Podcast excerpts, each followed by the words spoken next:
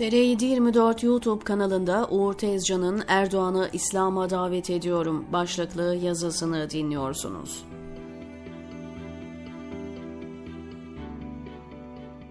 Böyle bir başlığın bir öfkenin ürünü olarak atıldığını itiraf etmeliyim. Ancak böyle bir başlık altındaki bir yazıyı uzun süreli bir düşünce sürecinin ardından yazıyor olduğumu da belirtmeliyim.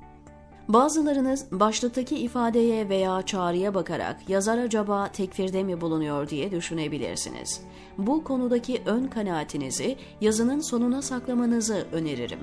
Öfke dedim. Onunla başlayayım o zaman. 15 Temmuz sahte darbe operasyonunun Erdoğan'ın bir bayrak operasyonu olduğunu hep söylüyoruz. Bizzat Erdoğan dahil AKP kanadından bazı önemli isimler darbenin Allah'ın bir lütfu olduğunu ve darbe olmasaydı hukuki yollarla cemaati bitiremeyeceklerini açıkça itiraf ettiler. Son 6 yıldır sadece söylemler ve ithamlar üzerinden suçlanan ve hukuk dışı süreçlerle mağdur edilen insanların ve askeri okul öğrencilerinin aleyhine dünya kamuoyunu ikna edebilecek tek somut delil ortaya koyamadılar ve dava dosyalarını dikkatle ve vicdan muhasebesiyle takip eden hiç kimseyi de buna ikna edemediler. O nedenle de son yazımda da işaret ettiğim gibi tüm savunma sistemlerini yine kendi uydurdukları FETÖ, hain, ihanet çetesi, dış güçlerle işbirliği yapan gibi müphem iftiralar ve ithamlar üzerinden bir algı çalışması düzleminde yürütüyorlar. Darbenin ilk günlerinde güya cemaati darbede kullandıklarını söyledikleri ülkeler olan CIA ve Birleşik Arap Emirlikleri ile birkaç yıl sonra sarmaş dolaş ziyaretler yaptılar ve onların darbedeki rolü konusunu da nedense hiç muhataplarından sormadılar. İşte tam da bu nedenle bu suçluluk duygusunun yanlış gidişatın ve siyasi bozuşmanın doğal bir neticesi olarak ülkede büyük bir FETÖ borsası peydahlandı. Bu borsanın da basına yansıdığı gibi sadece insanlara iftira tuzakları kurarak paralarını alan savcı, siyasetçi, gazeteci, polis çetelerinden müteşekkil olmadığını yazmıştık.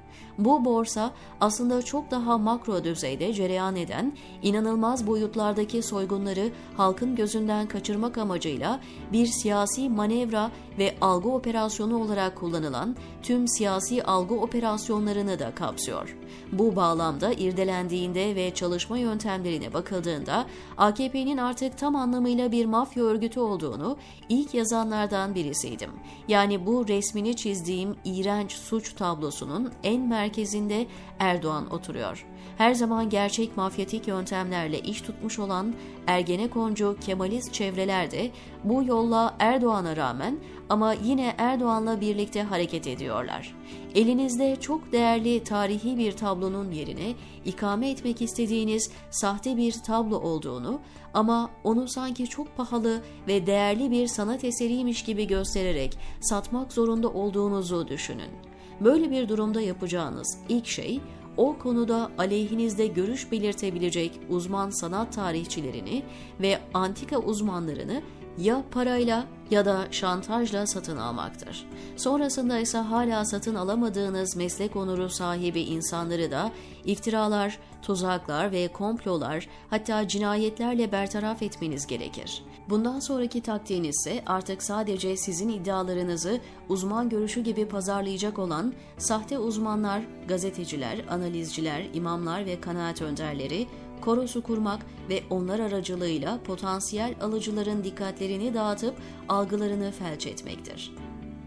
Bugün FETÖ tamtamlarıyla yapılmak istenen işte tam da budur. Yani belki de tarihin gördüğü en büyük soygun vurgununu bir İslami hizmet gibi satıyor görünme hamlesi ve bunun önünde bir tehdit olarak gördüğünüz dürüst, samimi ve çalışkan Müslüman kimliği bertaraf etmek.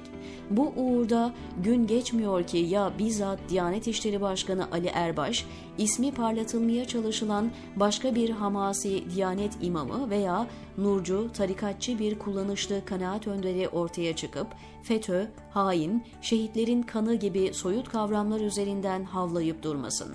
Bunu belli aralıklarla bu isimlere özellikle yaptırarak konuyu cahil halk nezdinde sürekli olarak canlı tutmaya çalışıyorlar. Çünkü bu yalan balonun sürekli olarak sıcak yalan gazlarıyla havada tutulması gerektiğini çok iyi biliyorlar. Maalesef bu isimler Müslüman hizmet insanlarını açık ve net ifadelerle tekfirde ediyorlar. Yani o Müslüman insanları din dışı, dine ihanet eden, hain, küfre düşmüş, terörist ve yine küfür itham eden katil ruhlu olmak gibi iftiralarla karalıyorlar. Bununla da yetinmeyip Müslüman kadınların namuslarına dil uzatıyorlar. Hatta Halil Konakçı gibileri çıkıp o Müslüman insanların katlinin vacip olduğuna dair fetvalar veriyorlar. Bu da yetmiyor, geçenlerde ölen bir tanesinin dediği gibi onların malları, kadınları size caizdir gibi fetvalarla cahil halkı kışkırtıyorlar. Doğal olaraktan bunları dinleyen cahil dindar kesimler kapıldıkları hamasi duyguların etkisiyle bu tekfirlere daha da tehlikeli ifadeler ekliyorlar ve imanlarını büyük bir tehlikenin içine atıyorlar. İşte tam da bu noktada artık başlıktaki ifadeye geri dönüyor ve başta Erdoğan olmak üzere Diyanet İşleri Başkanı Ali Erbaş, Nurcu Ahmet Akgündüz, Hayrettin Karaman ve benzerlerine açıkça bir çağrıda bulunuyorum. Erdoğan'a hitap ederek Ey Erdoğan, sen ve ekibin çok büyük suçların ve hırsızlıkların içine bulaştınız. Masum Müslümanlara zamanında haşhaşi demiş olsan da ortaya çıkan gelişmeler aslında senin etrafındaki ekibin kokainci, kumarbaz, kumpasçı, hırsız ve katil olduğunu gösteriyor. Bunların hepsinde bizzat emrin, istifaden ve sorumluluğun var. İnanılmaz boyutlarda soygunlar yapan büyük bir suç şebekesinin yani mafyanın babası konumundasın. O kadar çok suça, günaha ve yolsuzluğa bulaştınız ki artık geri dönüşünüz bile yok. Yarın çıkıp vicdan yapsan ve soygun düzeninden vazgeçmek istesen bile artık bir köpek balığı sürüsü haline gelmiş olan suç örgütünün momentumunun önüne dahi geçemezsin. Masum Müslüman insanlara açık bir soykırım uyguluyorsunuz. Kaç masumun katili oldunuz? Sadece girdiğiniz kul haklarının bile ahirette yüzlerce yıl boyunca hesabını veremezsiniz. Bu kadar suç ve günah karşısında bir gram bükülmeyen vicdanınıza ev sahipliği yapan o kalplerde hala iman barınabileceğine ihtimal vermiyorum. Bu suçları örtbas etmek ve onlardan nemalanmak için vicdanlarını öfke ve tamahla körleştirip senin ve kurduğun düzen adına sahte fetvacılık ve hamasetçilik yapan o ilim sahibi din adamlarının kalplerinde de iman kalabileceğine ihtimal vermiyorum.'' Halkı istediğiniz kadar yaptığınız şeylerin bir İslam hizmeti olduğu yalanıyla kandırmaya çalışınız ve bu uğurda sahte fetvalar ve yaygaralarla onların idraklerini felç etmeye çalışınız.'' Hiçbir şey değişmeyecek. Nihayetinde o cahil halk bilmese de ben de siz de aslında ortada nelerin döndüğünü, neleri göze alarak bu kadar çırpındığınızı ve neler yapmaya çalıştığınızı iyi biliyoruz. İçinizde hala bir gram iman kırıntısı ve İslam düşüncesi kalmışsa o duygulara seslenerek yapıyorum açık çağrımı. Yaptığınız her şey bizzat İslam dininin ruhuna ve mesajına ihanet ediyor. Tekraren bu kadar günaha, bu kadar kul hakkına, bu kadar Müslüman soykırımına karşı o kalpte iman barınamaz. Münafıkane yöntemler üzerinde ısrar eden bir gönül nihayetinde münafık olarak damgalanır. O nedenle de sizleri açıkça tekrar İslam'a ve İslam'ın gerçek mesajına davet ediyorum.'' Artık bu açık çağrıdan sonra bizi dünyada kimse uyarmadı. Yaptıklarımız karşısında imanımızı kaybedebileceğimiz ve bizi takip edenlerin imanlarını da tehlikeye atabileceğimiz bize hiç hatırlatılmadı diyemeyeceksiniz.